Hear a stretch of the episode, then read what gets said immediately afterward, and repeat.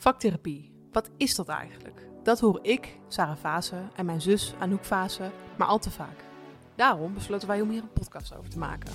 Handig om te weten is dat vaktherapie de koepelterm is voor een aantal ervaringsgerichte therapieën. Hieronder vallen beeldende therapie, dramatherapie, muziektherapie, psychomotorische therapie, psychomotorische kindertherapie, speltherapie en danstherapie. Voor veel mensen is dit vakgebied nog onbekend, terwijl het in alle hoeken van de samenleving te vinden is. In deze podcast nemen we je mee in een reis door het landschap van vaktherapie. In iedere aflevering schuift er bij onze gasten aan vanuit steeds een andere discipline. Het gesprek zal gaan over de doelgroep, behandelmethode, werkplek of het onderzoek waar de gast zich mee bezighoudt. Met voorbeelden uit de praktijk zullen we je kennis laten maken met de wereld van vaktherapie. Dit is Vaktherapie, de podcast.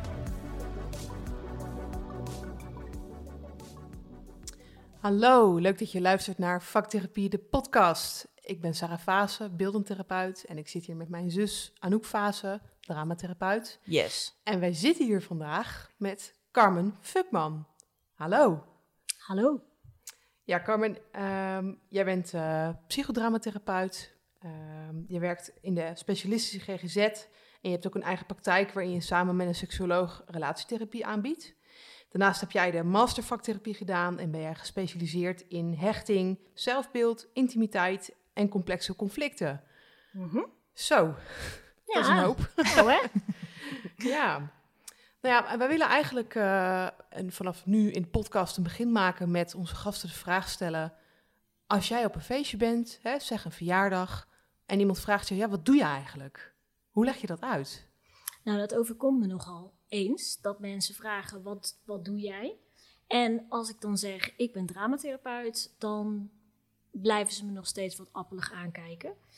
Ehm, dus wat ik eigenlijk dan eh, vertel, is dat ik alles wat er intern in je hoofd zich afspeelt, dat ik dat op het toneel eh, uitspeel. En dat je lichaam dus niet liegt. Dus je kan heel veel sessies besteden aan praten over een conflict of praten over een probleem. Maar zodra ik zeg laten we dit eens in beeld brengen, dan ga je heel versneld, ga je eigenlijk zien wat iemands echte gedrag is. Zonder maskers. Eh, sowieso is het heel ongemakkelijk hè, om ehm, ja, het toneel op te gaan of de vloer op te gaan. Dus je ziet eigenlijk ook meteen wat iemand doet wanneer het ongemakkelijk wordt.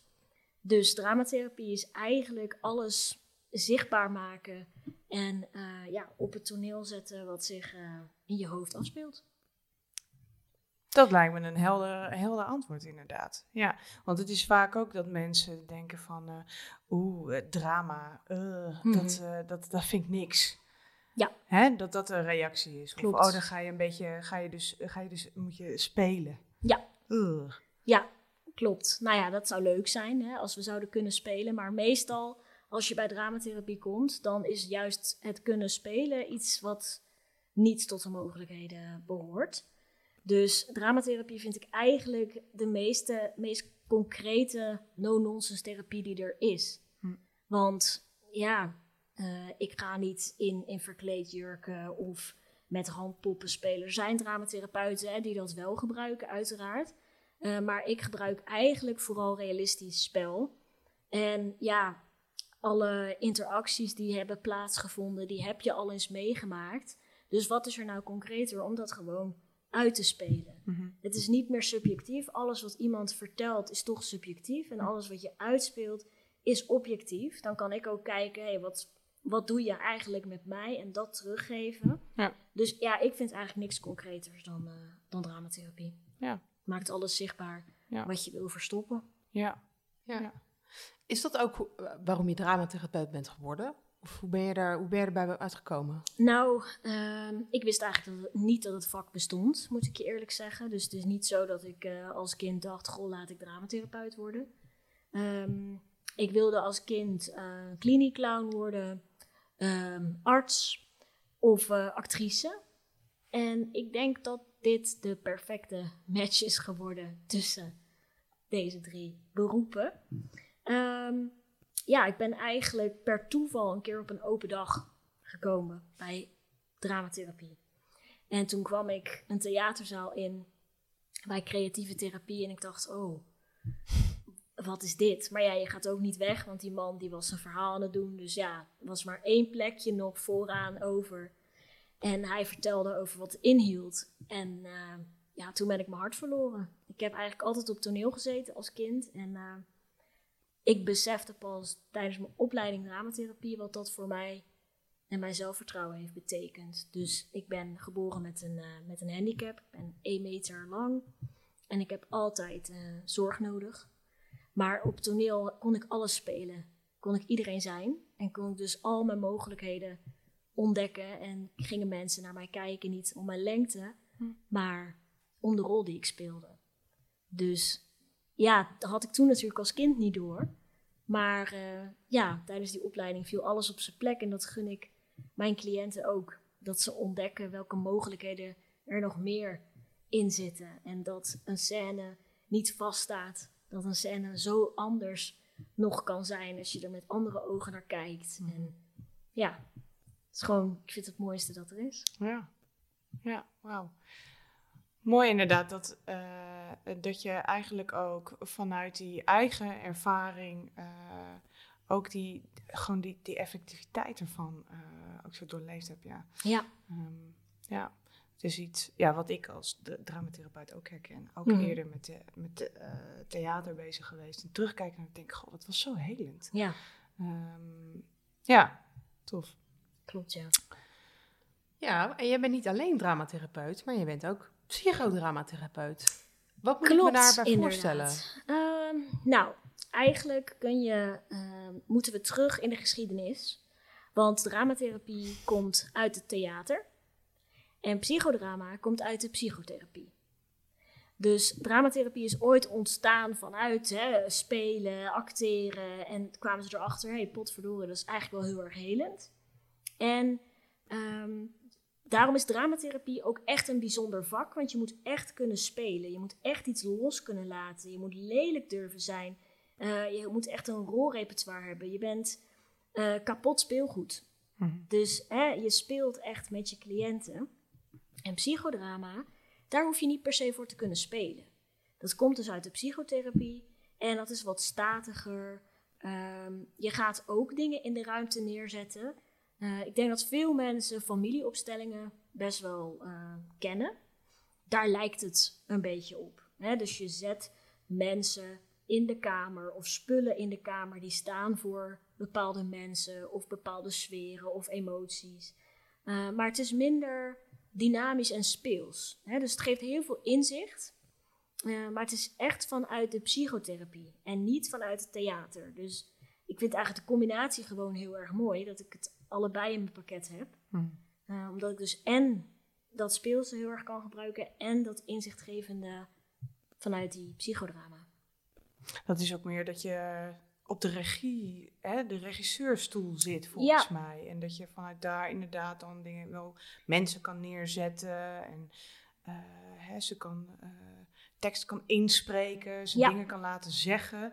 Um, anders dan dat het echt scènes zijn. Ja. Dus dat het echt een lopend spel is. Ja, plus in het drama kun je ook echt improviseren. En wat ik heb geleerd bij psychodrama is dat het heel nauw komt welke woorden er gebruikt worden. Hmm. Dus als de woorden van iemands moeder waren: je ruimt ook nooit je kamer op, rotkind. Mm Dan moet dat de zin zijn die de speler ehm, uitspreekt. En niet, ik vind het zo irritant dat je je kamer niet opruimt, kutkind. Ja. Dat is een heel andere hmm. zin.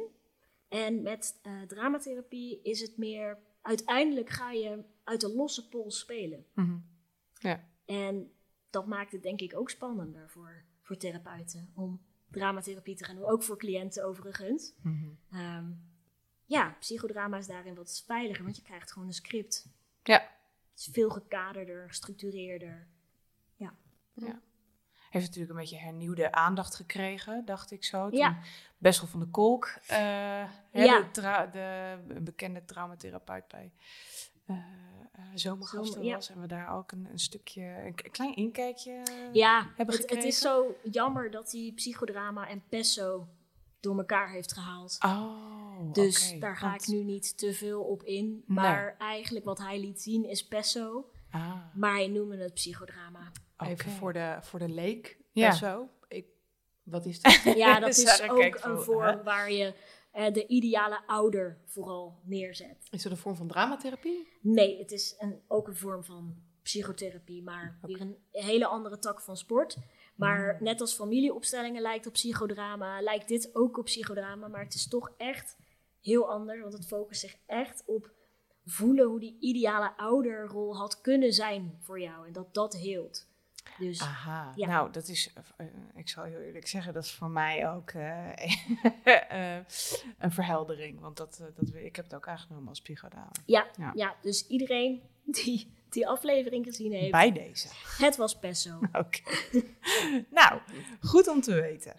Ehm, dus de, hè, voor jou, de, de, de psychodrama echt een, een, nou ja, een van de methodes die je, die je in kan zetten. Ja. Zeg maar. Ja. Klopt. En het helpt ook echt als, als kader en, en kapstok. En het geeft heel veel veiligheid Mhm. voor cliënt, omdat het zo gestructureerd is. eh, om daarmee te beginnen voordat je gaat spelen. Ja, oké. Nou, mooi. Ja, want Carmen, bij psychodrama eh, zet jij in in eh, je eigen praktijk. En ook, je werkt ook in de specialistische GGZ. Eh, even voor de luisteraars die hier totaal onbekend mee zijn. Wat is de specialistische GGZ?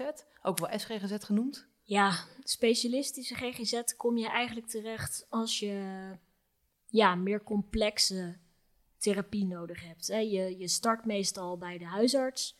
Eh, dan kom je bij de POH-GGZ, hè, de ja, een soort van eh, vertrouwenspersoon bij de huisarts. En die kan je doorverwijzen naar de basis-GGZ. Ehm, ja, dat is vaak het begin. Maar als dat niet genoeg is en je hebt echt, nou ja, bij ons eh, is het vaak echt vroeg kinderlijk trauma ja, dan is basis GGZ gewoon niet genoeg. En heb je echt specialistische, ja, specialistische zorg nodig. Dus het zijn echt mensen, professionals, die daar op zijn gespecialiseerd. Dus vooral vroeg kinderlijk trauma en eh, persoonlijkheidsproblematiek, persoonlijkheidsstoornissen. Nou, het is wat, wat complexer allemaal dan, eh, dan wat je in de basis GGZ tegenkomt. Ja, klinkt ook wel als eh, perversieve, diepgaande problematiek die je daarin treft. Ja, Ja, ja, ja. klopt. en daarnaast heb je nog een praktijk eh, waar je samen met een seksuoloog in Ja, werkt. En ook. die richt zich ook weer op iets anders. Ja, dat is ja, dezelfde praktijk hè, waar ik psychodrama geef, maar ook met, eh, ja, met mijn collega Janine Soeren geef ik ja, hele dagen voor koppels, waar we ons richten op intimiteit en complexe systemen.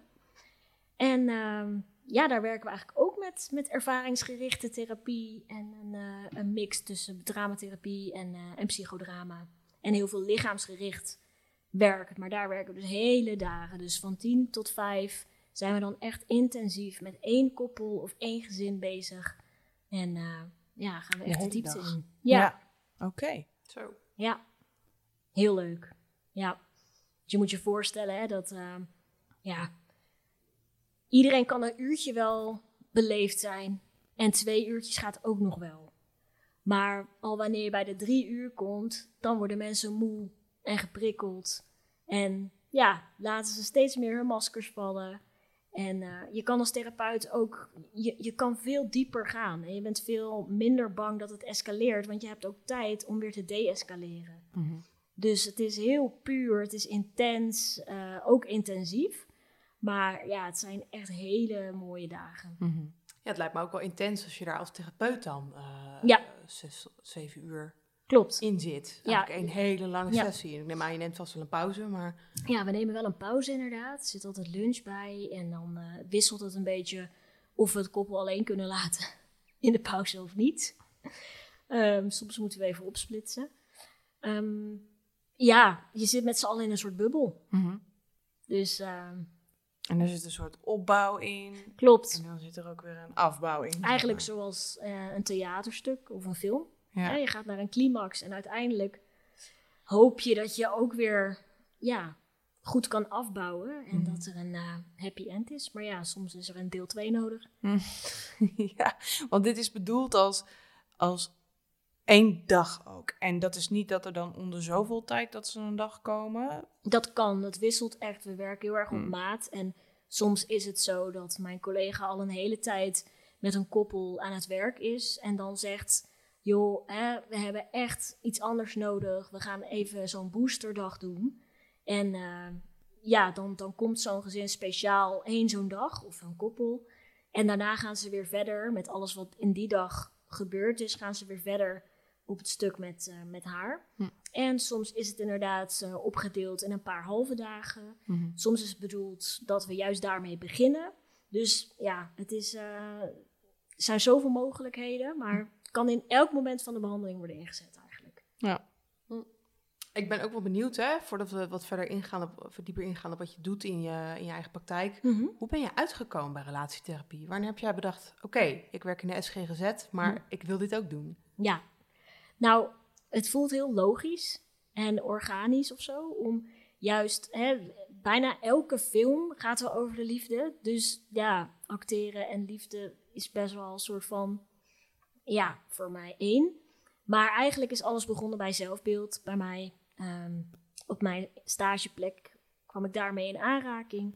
Ben opgeleid tot echt specialist in zelfbeeld. Maar wat ik bij al die cliënten merkte, is dat ze ook in relaties gingen verschuiven. Dus waar hun zelfbeeld verbeterde, verbeterde de relatie of ging de relatie uit. Omdat ze op basis van een heel negatief zelfbeeld een bepaalde partner hadden gekozen. En nou, dat vond ik zo boeiend. En dacht ik, goh, wat is dat nou? Wat doet dat zelfbeeld nou met je partnerkeuze, met de manier van ruzie maken? Eh, wat, wat heeft hechting daar nog meer mee te maken? En toen ben ik mijn hart verloren aan liefde. Wat romantisch. Nou, hè? Ja. Ja, ja. Ja, het klinkt, eh, het klinkt inderdaad wel heel logisch zoals je zegt. Ja. eh, dat het zo in elkaar overloopt. En zo, zo is het vaak ook zo'n weggetje. Hè? En Je komt eigenlijk van het een in het ander. ja. En dan denk je van, oh, maar dit vind ik eigenlijk heel tof. Ja, Ja. ja. en van daaruit eh, is er dus ook een samenwerking tot stand gekomen. Ja, heel leuk was dat. Want eh, Janine heeft mij eigenlijk benaderd via LinkedIn, omdat ze zag wat ik deed. En toen had ze zoiets, hé, hey, maar dat heb ik nog niet in mijn portfolio. Die vrouw doet ook alles. En nou ja, dit, dit had ze nog niet. Dus toen dacht ze, nou, dat wil ik ook wel eens meemaken. Hm. En nu werken we al eh, drie of vier jaar samen. Ja. Dus eh, ja, heel spontaan ook eigenlijk gekomen. Ja. Ja, wat leuk. Ja. Ik ben ook nog wel nieuwsgierig naar wat voor cliënten eh, eh, kom je tegen. Ik kan me ook voorstellen dat dat van alles bij elkaar is. Of... Ja, maar ik trek wel heftige types aan. Wat zegt het over jou? Ja, ik denk veel. Ja, ik trek veel eh, mensen aan die eh, ja, veel vuur in zich hebben. Misschien klinkt dat een beetje abstract, maar veel temperament. Hm. Ehm, en vooral de mix tussen de, de aanvaller en de vermijder. Dat soort koppels krijg ik. Hè? Dus waar de een strijdt voor loyaliteit hè, en veel geluid maakt, strijdt de ander in stilte voor autonomie. Dus die sluit zich af en eh, zegt van op deze manier ga ik niet met jou praten. En zo, waar de ander dan weer nog meer gaat aanvallen. Eh, ja, die, die mensen zie ik het meest. En dat kan hè, zonder sticker zijn, maar dat kunnen ook de narcistische borderline koppels zijn. Hm. Ehm, dus van heel mild, hè, dat aanvallen vermijden, heb ik ze tot extreem heftig, waar je dus ja, ze ook echt niet in de pauze alleen moet laten, omdat ze dan nog meer kwetsuren maken in, nou ja, slechts 10 minuten. Mhm. Ja. Zo. Ja. Ja. Jeetje, en wat doe je dan? Ben ik wel benieuwd als je dus zo'n koppel hebt, hè, waarvan je denkt van nou, daar, nou daar kunnen we niet rustig even een broodje mee gaan. eh, Nee, nee, nee. hoe, Nee. hoe pak je dat aan? ja, in de pauze gaat Janine dan bij de een en ik bij de ander. Dat eh, hebben we dan zo afgesproken. En in de sessie zelf, ehm, nou, ik moet meteen denken aan één super heftig koppel waar het was een expat koppel. En eh, die vrouw was zo boos op die man. En ik denk altijd, als je zo boos bent, dan heeft iemand je echt heel veel pijn gedaan. Ehm, maar hij schetste haar natuurlijk als hysterische gek. Maar haar boosheid stond zo in de weg, de hele sessie, dat ik een hele zware hoge stoel voor haar neus heb gezet. En heb gezegd, dit is jouw boosheid. En toen zei ze, ja, dat is irritant, want het staat voor mijn gezicht. Toen zei ik, ja, dat klopt. En je mag hem pas weghalen als je je boosheid aan de kant kan zetten. En dat kon ze niet. Dus elke keer dat zij op wilde staan, of naar het toilet, of van positie, zei ik, je vergeet wat. En moest ze die stoel met zich meeslepen, tot Ja. ze er helemaal moe van werd. En dat ik kon zeggen, dit is wat jij dus doet. Ik zou ook doodmoe worden. Ja. Hè, en ik snap hoe boos je bent. Maar kijk hoe het je beschadigt en wat het je allemaal kost. Ja. Om daar maar aan vast te blijven houden. Ja. En ook al word je eigenlijk blind van woede, hè, ze zag niks meer. Alleen maar die woede. Mhm. Ze heeft, heeft geschreeuwd, gekrijsd. Eh, ik moest letterlijk tussen ze in gaan staan. ja, het was heel Ja. heftig. Ehm, ja, maar dit, ja, dit vergeten Janine en ik nooit meer. Dit vertellen we ook vaak van, nou, die stoel was zo metaforisch. Het was ook zo'n zware kruk. Ja. Het was in een andere ruimte dan waar we nu zitten. En er waren zes van die hoge krukken. En ja, die was bijna niet te verplaatsen. En dat was ook echt metaforisch voor haar woede en wrok. Ja. Ja, Heel, eh, ja, heel letterlijk. ja, En, eh, maar ook heel krachtig. Ja. ja. Ja. En ze werd er zelf dus helemaal gek van, Ja. van, van die kruk. ja, Van, moet dat nou echt? ja. Kan ik me voorstellen. Ja, hè? ik Van, zie helemaal zo- niks. En zo kan ik me niet concentreren. En ja, Ja.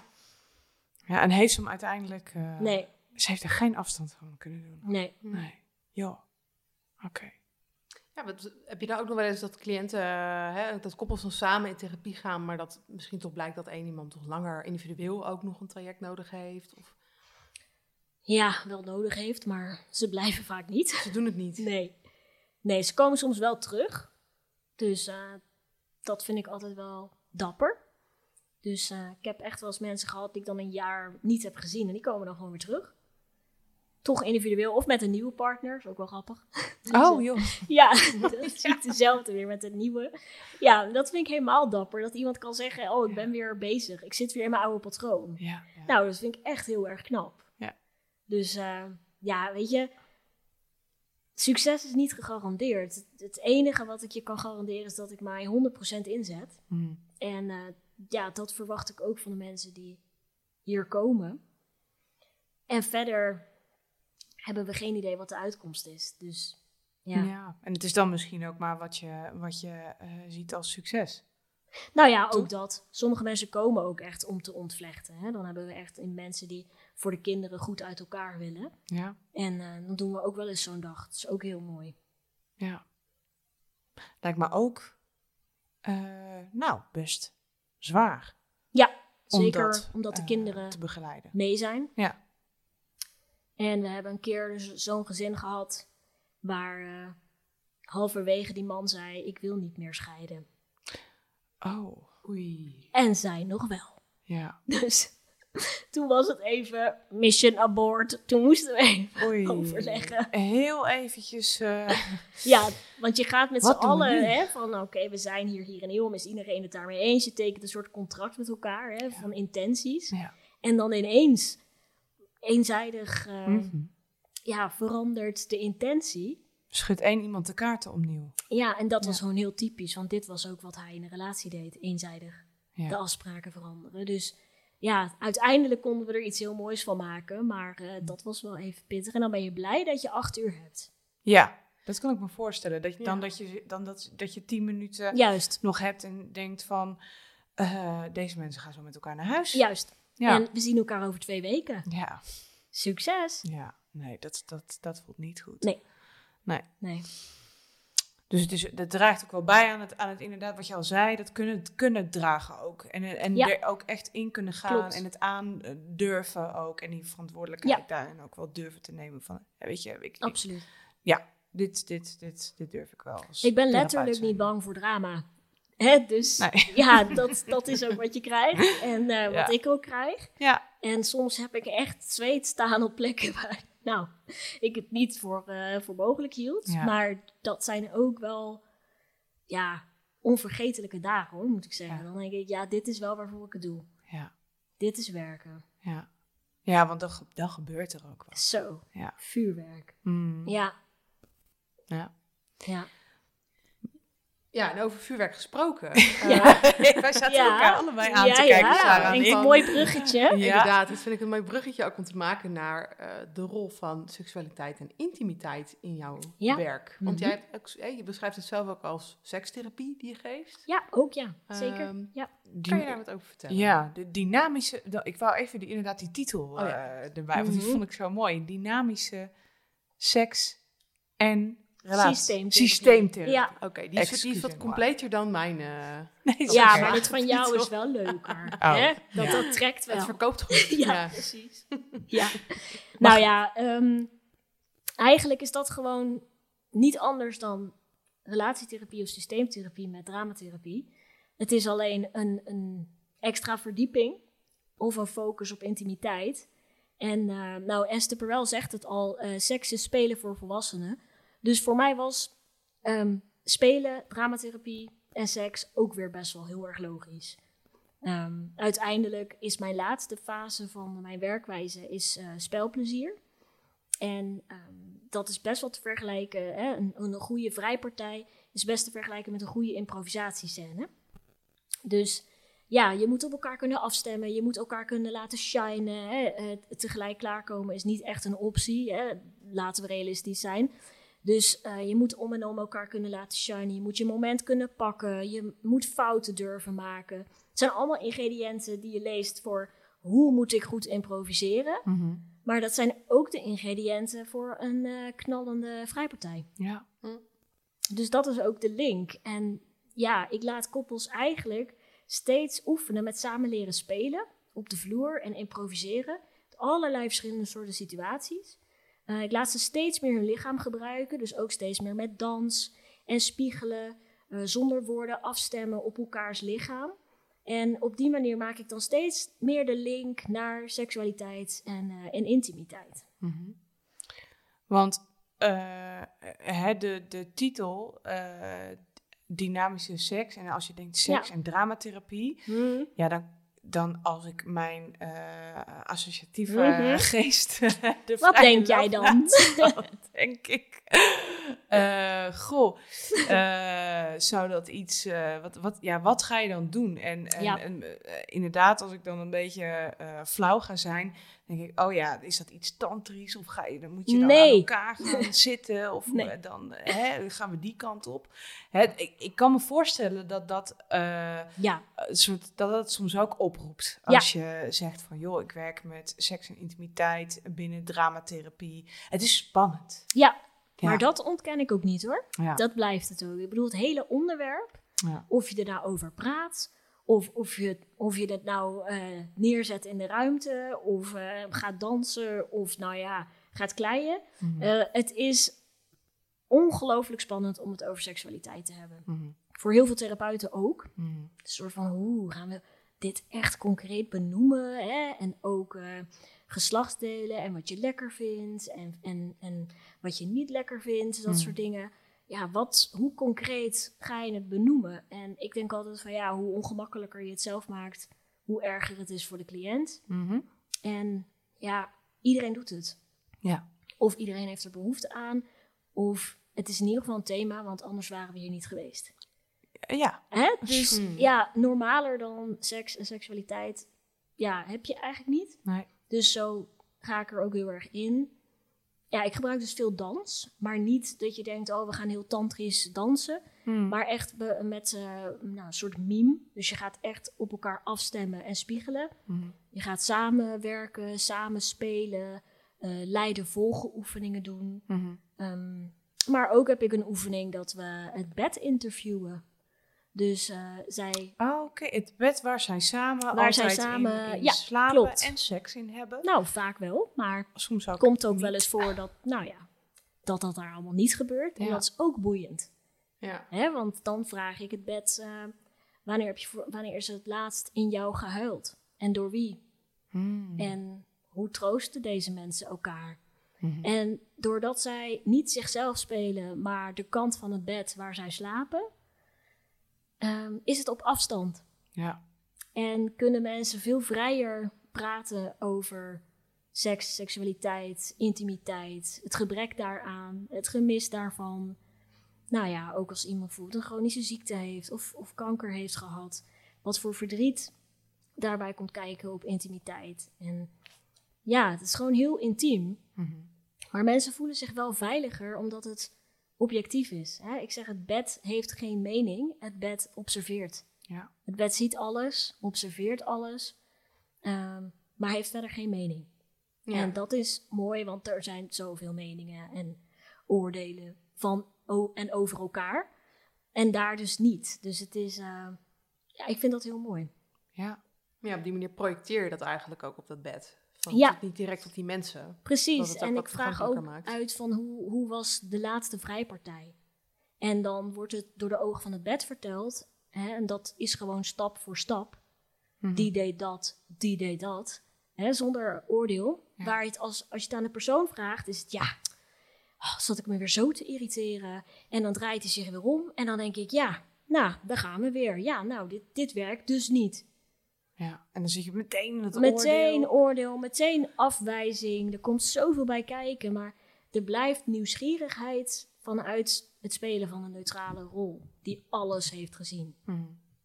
Ja. Ja, mooi. Dat, uh, uh,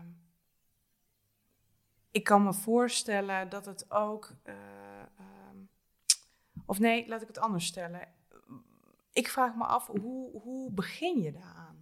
Hoe, hoe start je met deze mensen?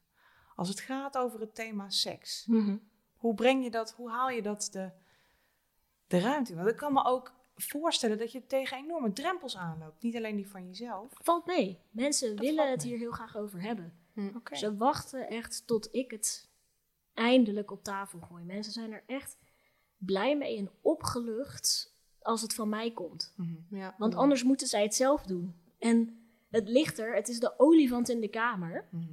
En vaak gaat het, ja, we moeten ook nog wel over, uh, ja, nou ja, um, ja, we zijn al heel lang niet meer, uh, hè? En, en je de, woord, de woorden in, de, in, in alleen ja. al woorden, de woorden gebruiken. En als ik zeg, hoe is het tussen de lakens? Het zakt. Mm -hmm. Er is een soort rust. Ook natuurlijk spanning wel, van hoe, hoe gaan we het hier echt over hebben? En, uh, maar mensen zijn ook blij van, oh, eindelijk. Want het is, ja, weet je, het verschil tussen vriendschap en liefde is seks, toch? Ja. Mij. ja, wat is dat dan ook vaak onderdeel van de hulpvraag waarmee ze bij jou aankomen? Van hey. Vaak uh, wel, ja. Ik, ik ken geen stel die relatieproblemen hebben en een fantastisch seksleven. Ik weet niet of jullie ze kennen. Sorry, die. Ja. ik moest heel even, er zit een vlieg op. Zie je dit onderwerp, daar kunnen mensen het niet over hebben. Het is gewoon nee. pure vermijding. Kom meteen al dichterbij. Ja. ja. ja. Oh, een vlieg, die zit er al de hele tijd. Ja. Maar... uh, nee, maar wat je zei, uh, mensen die uh,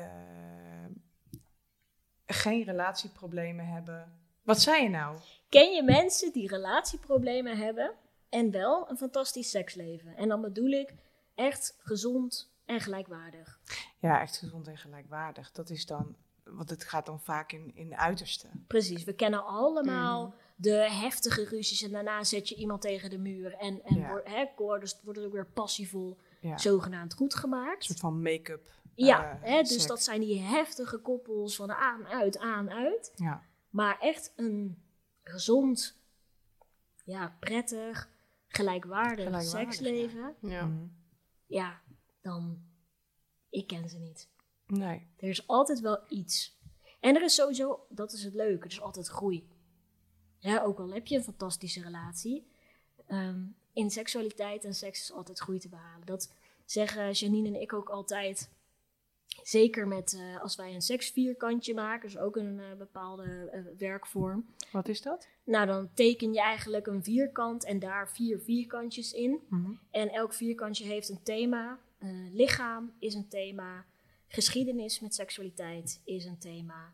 Relatiefase is een thema. Bijvoorbeeld als je net kinderen samen hebt, zit je in een hele andere relatiefase. Als je Mm. kinderen net de deur Mm. uit zijn. En hoe heeft dat impact op je relatie Mm. En op je seksualiteit?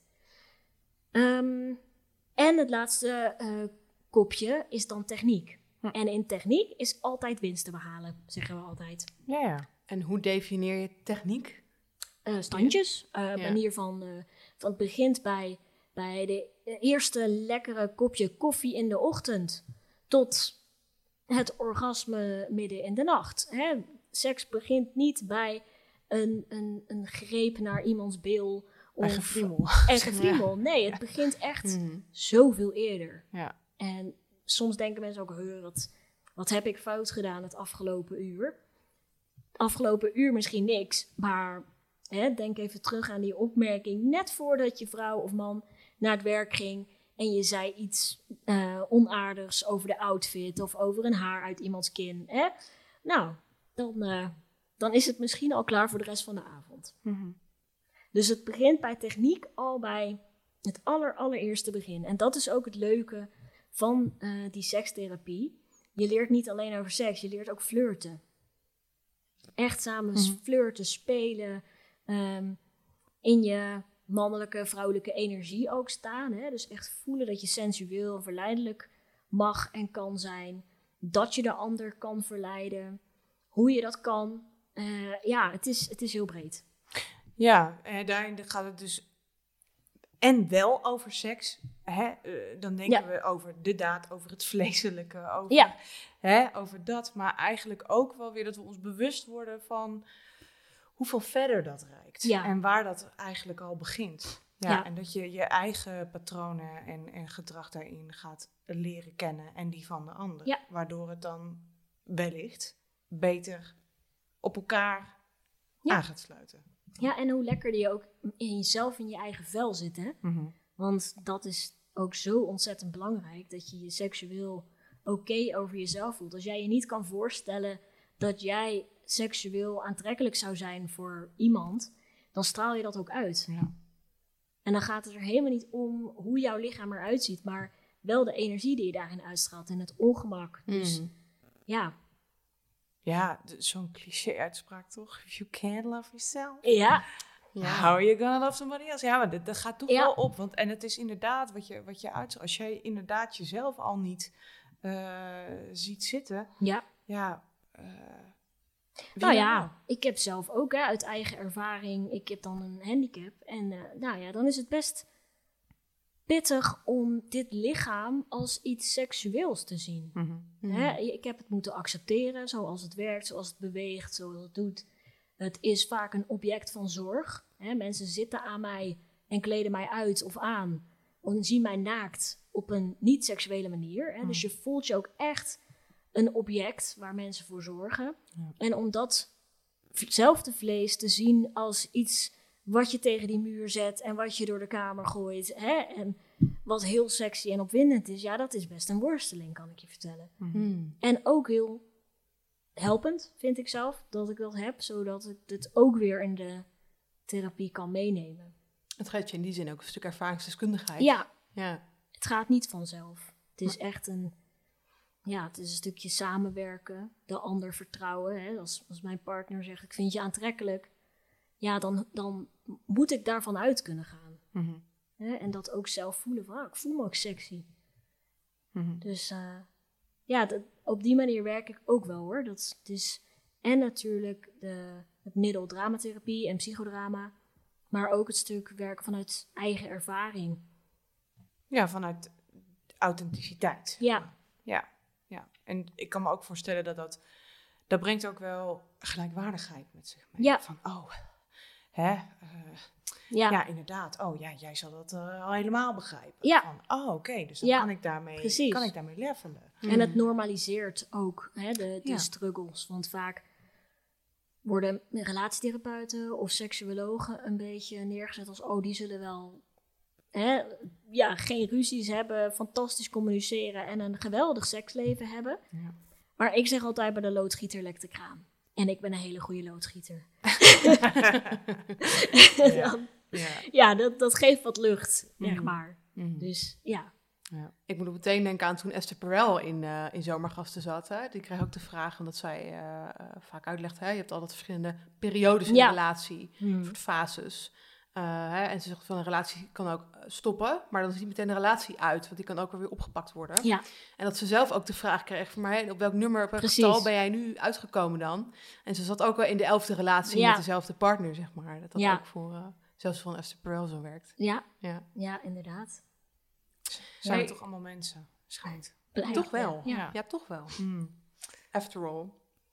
Ehm, ik was ook wel ook benieuwd, hè, als we het hebben over die relatietherapeuten. eh, en je noemde eerder al van, het is op zich niet een thema wat door heel veel hè, dat seksualiteit en intimiteit uh, door veel behandelaren nou, of gemeden wordt, of die, dat ze het lastig vindt om zo concreet op tafel te leggen. Mm ja, is, hangt daar een soort taboesfeer op ook? Of is dat een stuk onkunde? Of ik weet niet hoe het werkt in de wereld van relatietherapie, maar... Nou, ik denk dat iedereen krijgt ermee te maken als je met koppels werkt. En het is niet voor niks dat de cursussen van mij en van uh, mij en Janine helemaal vol zitten. Hè, het, gaat over intimiteit en seksualiteit uh, op de vloer krijgen eigenlijk. En professionals komen massaal, hè, melden zich allemaal aan. Dus er is interesse om dit concreter te maken en om hier meer mee te doen. Dus mensen krijgen ermee te maken. Waar je werkt met mensen, werkt met relaties, werk je met seks.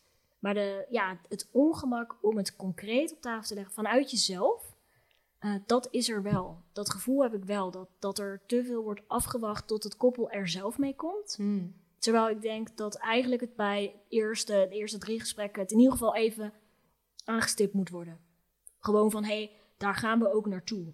Ja. Dan weet je gelijk hoe de reactie is hè, van het koppel. hoe, ja, hoe reageren ze op dit, dit thema überhaupt? En waar moet ik het op de agenda zetten? Mm -hmm. Dat je meteen kan zien van, ja. iemand heel erg schrikt. En Precies. Je ziet, je ziet het de, rood al, hè, de, de rode wangen al komen. Ja, of boosheid. Hè? Of, uh, nou, dat gaat je niks aan. Oh, ja. Ook helder. Ja. ja. Dus um, ik denk dat er wel, dat, dat professionals, ja, we zijn mens. En voor de mens is seksualiteit, het is ja, toch een soort van ja, taboe, verboden vrucht. Uh, ik weet niet. Het, het is voor iedereen interessant. Maar om het echt concreet te maken, wordt nog te weinig gedaan. Ja, want je werkt naast je eigen praktijk dus ook in de specialistische GGZ. Ja. Um, ik kan me ook voorstellen, het is niet alsof het daar niet een thema is, maar... Nee, maar ik zie het nooit terug in, uh, ja, zelden. Alleen als er dus uh, hè, nare ervaringen hebben plaatsgevonden, zie je het in het dossier. Maar het is een beetje, uh, ik ben natuurlijk therapeut in de GGZ, maar ik ben patiënt in het ziekenhuis. En daar wordt het ook nooit besproken. Het wordt besproken in eenzelfde zin. Hè? Hoe gaat het met poepen, plassen, seksen? ik vind dat heel raar. Oh, ja. Hè? Dus het, is zelf, het voelt gewoon alsof die arts dat kapot ongemakkelijk vindt. Ja. Dus we doen het maar gewoon raads achter elkaar. Dan hoef je alleen maar ja of nee te zeggen of gaat prima. Ja. En dan zijn we daar vanaf. En ik denk dat het in de GGZ ook gebeurt bij hm. intakes. Hm. En uh, ja, dat, dat psychiaters en regiebehandelaren daar niet standaard een heel uitgebreid kopje van maken. Nee, maar ja, ik, ik kan me ook weer voorstellen dat het ook wel heel spannend is als jij iemand voor de eerste keer spreekt. Mm Ja, dan zit ik meteen wel te denken van ja, dat is misschien ook wel weer wat ik dan. Uh, Dan neem je ook weer van jezelf natuurlijk wat mee. Maar ja. gewoon dat je hè, uh, misschien nog niet de relatie hebt met elkaar om zulke intieme. Maar je mag dus wel vragen hoe, uit welk gezin van herkomst je komt ja. Ja. en welke trauma's je hebt. Ja. Ja. Maar je mag niet vragen naar seksualiteit. Ik moet ook heel erg denken naar een uh, uh, promotieonderzoek dat, dat seksuoloog Ellen Laan ooit begeleid heeft. Oh ja. En dat ging over vulva-kanker. Vrouwen ja. die daarmee rondliepen. Mm -hmm. En dat bijna geen enkele arts in die gesprekken, hè, nadat vastgesteld was in die onderzoeksgesprekken, dat er gevraagd werd naar, heeft u nog seks? Ja. En zo ja, hoe is dat? Vertel. Ja, ja mm -hmm. kom maar. Dat, dat, dat daar een compleet taboe op lag. Het werd niet uitgevraagd. Het werd klinisch gezien ook niet gezien als iets dat relevant is. Nee. Terwijl, uh, nou ja, dat heeft zij dus onderzocht, dat het grootste deel uh, van die vrouwen gruwelijke pijn heeft. Of geen seks meer kan hebben. Tuurlijk. Um, wat een grote invloed ook heeft op je welzijn. Hoe je en op je relatie. En je relatie, inderdaad. Want ga je dan accepteren dat je partner met een ander naar bed gaat? Hè, maar ook als... als uh, ik had ook een keer een, een verhaal, een stel dat een man met paracelen is gecrashed. En die werd verlamd van zijn middel tot zijn benen. Dus zijn zaakje deed het ook niet meer. Nou, dat heeft ook impact hoor. Ja. Want dan kan je dus niks meer. Hè? Hoe ga je dan seks hebben? Ja, ja. En nou ja, dat vind ik het mooie. Seks is gewoon heel breed. Ja, ja want hè? inderdaad, die, die, de, de, hè, de daad, uh, hè, de penetratie kan niet meer nee. plaatsvinden. Niet met een eigen geslachtsdeel. Exact, niet met een eigen geslachtsdeel. Maar goed, er is natuurlijk nog een hele wereld daaromheen. Ja, maar als er niet naar gevraagd wordt, hè, Ja. mensen schamen zich, eh, er wordt ook nooit gevraagd naar masturbatie. Nou. Hè, ehm, ik, ja, ik vind het gek. Het is een basisbehoefte. mhm. Hè, nu is er ook steeds meer. ehm, gaat het over sekswerkers in de gehandicaptenzorg? Omdat seks steeds meer wordt gezien als primaire behoefte van Ja. mensen. En dan gaan wij in de GGZ de meest intieme vragen stellen aan mensen. Want kijk, seks is intiem. Maar ik vind dat we nogal intiem zijn het eerste gesprek met de intake. Ja. We weten eigenlijk iemands hele levensverhaal. Mhm. Maar hier gaan we een beetje omheen of houden we in ieder geval heel algemeen. Dus jij pleit voor. Ik pleit voor eh, ja, veel meer aandacht voor seksualiteit bij de intake meteen. Ja. Ja, want ik denk dat, ja, dat er zoveel informatie komt als je vraagt waar stond seksualiteit in jouw gezin, Mhm. van herkomst, hoe had dat de plek. Nou, dan denk ik dat je, dat je zoveel meer van iemand te weten komt dan vertel eens over je jeugd. Of ja, ik denk dat als je het hebt over, over zo'n onderwerp, waar iedereen een beetje omheen probeert te dansen, dan, dan heb je gelijk door hoe zo'n gezin eruit zag vroeger. Ja, ja, dus dat het eigenlijk ook. Het kan nog veel meer vertellen dan Absoluut. alleen over eh, het seksueel eh, Ja. functioneren, zeg maar. Voor, Ja. Of de seksuele gezondheid van die persoon. Nou, ga jezelf eens na. Hè? Dat, ik vraag die, stel die vraag heel vaak aan mensen. Er komt, hè, je zit met je ouders als kind van tien op de bank. En er komt een heftige seksscène op de televisie. Mhm. Oh, die situatie kennen we allemaal. Wie doet wat? Ja. En dat is dus ook het leuke van mijn vak. Dat spelen wij gewoon lekker uit. Oh ja. Dus wie speelt de televisie met de seksgeluiden? Dat is natuurlijk ook enig. Wat? Want die moet ook gespeeld worden. Oh ja. En eh, wie speelt vader die toevallig even iets uit de schuur moet halen? Oh ja. Wie speelt moeder die zegt, hè, bah, porno. ja. Hè? eh, wie speelt jou? Wie speelt je zus? Ja. En Of allemaal stil. ja, Allemaal zo stil. allemaal lachen. Ja. Daar overheen, heel hard overheen Ja. praten. Ja. Mijn ex-schoonouders zei dat, nou, Carmen, wat heb jij nou weer opgezet? Ook zo typisch. ik was altijd een Sjaak. Jij was een beetje, beetje raar. Ja, eh, ik was raar. Type was jij. Zeker, Mm. ja. Ja. maar dat is wel een vraag. Stel je, je stelt zo'n vraag in de intake. Ja. Dan denk ik dat je al heel veel te weten komt. Ja, want je krijgt in, in- met één vraag krijg je echt een bak informatie Ja. over het gezin, hoe het systemisch zat, dus wat de gezinsverhoudingen Ja. waren, hoe er met elkaar omgegaan werd, Precies. eh, je zelfbeeld, je hechting. je, Ja. je pakt in één keer de, de hele Ja. ontwikkeling van iemand. Ja. ja. Werd er weggezept. Mocht je zeggen van, eh, oh nee, laat maar staan. Ik wil het wel zien. Durfde je dat? Mhm. Ja. Ja. En misschien was er juist heel veel eh, porno en seks op de televisie in jouw gezin van herkomst. Wat ook heel grensoverschrijdend is. Hè? Ja. Ja, die er- mensen hoor je ook inderdaad Die- ook. Precies. Dus, en dan, dan weet je ook gelijk heel erg veel. Dus Mhm.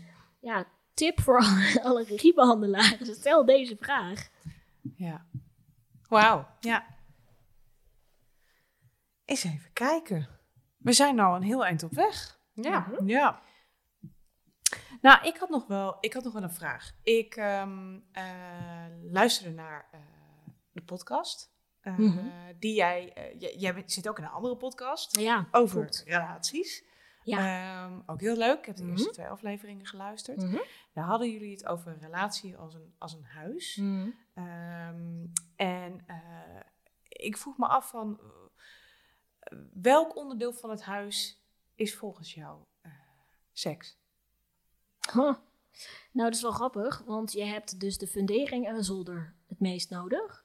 Maar zonder de zuilen ernaast, zonder de steunpilaren, ja, gaat Staat het hem ook niet worden. Nee. Dus ik denk dat je al die ingrediënten nodig hebt om een knallend seksleven te hebben. Waar ieder zich gewaardeerd, gezien, gehoord, eh, begeerd voelt. Mhm. Ik kan niet zeggen, oh, dit stuk van het huis kan je weglaten. Mhm. Dus het is allemaal eh, met elkaar verbonden. Dat denk ik wel, maar moet je Hmm. voorstellen welk deel van jouw huis zou jij weg kunnen laten. Weet je, als je iets Hmm. weghaalt, stort het in. Ja. Of het gaat tochten, of het lekt, Ja. of eh, er komen, er komen ongedierte. Mhm. Wil je ook niet. ja. Dus ja, het begint allemaal bij de fundering. Mhm. Daar ga je op bouwen. En uiteindelijk kom je op zolder en vind je allemaal leuke dingen. Hè, daar, daar zijn de snoepjes en de extraatjes. maar voordat je op die zolder komt, moet je wel alle, hè, moet, moeten die muren ook wel staan. Ja. Ja. Ja. Ja. Duidelijk. Nou, We zijn er wel, volgens mij zijn we er aardig doorheen eh ik denk dat ik het een mooie afsluiter vind Ja. ook. Om Ja. af te sluiten met dat het allemaal verbonden met elkaar is. En dat Mhm. seks dus niet een los element is waar we omheen moeten draaien. En, en Nee. waar je maar een specialist voor moet gaan zoeken, omdat het anders gewoon niet meegenomen wordt. Nee. Uh, maar dat het juist misschien breder gedragen mag worden Mhm. in alle hulpverlening. Helemaal mee eens. Ja. Ja, en heel tof om te horen hoe eh, je inderdaad met een ervaringsgerichte therapie, zoals dramatherapie, ja, hoe dat zich leent om met dit soort thema's eh, te werken zonder dat we ja, meteen in een een of ander, eh, ja, mensen denken toch vaak een soort zweverige Ja. toestand terechtkomen. Of iets wat alleen voor hippies is of mensen die, eh, Die van toneel houden. die van toneel houden. Ja. ja. Ja, ja. ja. Maar- ik heb juist mensen die niet van toneel houden en die juist hè, een beetje uit het gooi komen en de meest concrete types, die krijg ik juist in mijn praktijk. Dus ja, zoveel vooroordelen over het vak, maar soms denk ik, oh, kon je maar als een vlieg op de muur hier meekijken? Oh, Dan, ja, het is fantastisch. Ja, nou ja, wat dat betreft ehm, hè, he- hebben we die vliegen op de muur een beetje kunnen, kunnen maken via deze podcast. Ehm, ik wil jou heel erg bedanken. Ehm, ik wil jou nog eh, de gelegenheid geven om te vertellen waar mensen jou kunnen vinden. Oh, ja, je kunt eh, op mijn website kijken, www.dramasolution.nl. En daar vind je mijn e-mailadres, telefoonnummer en contactformulier. Dus eh, ja, daar kun je me vinden. Hartstikke mooi. Bedankt. Jullie ook bedankt. Oké. Oké.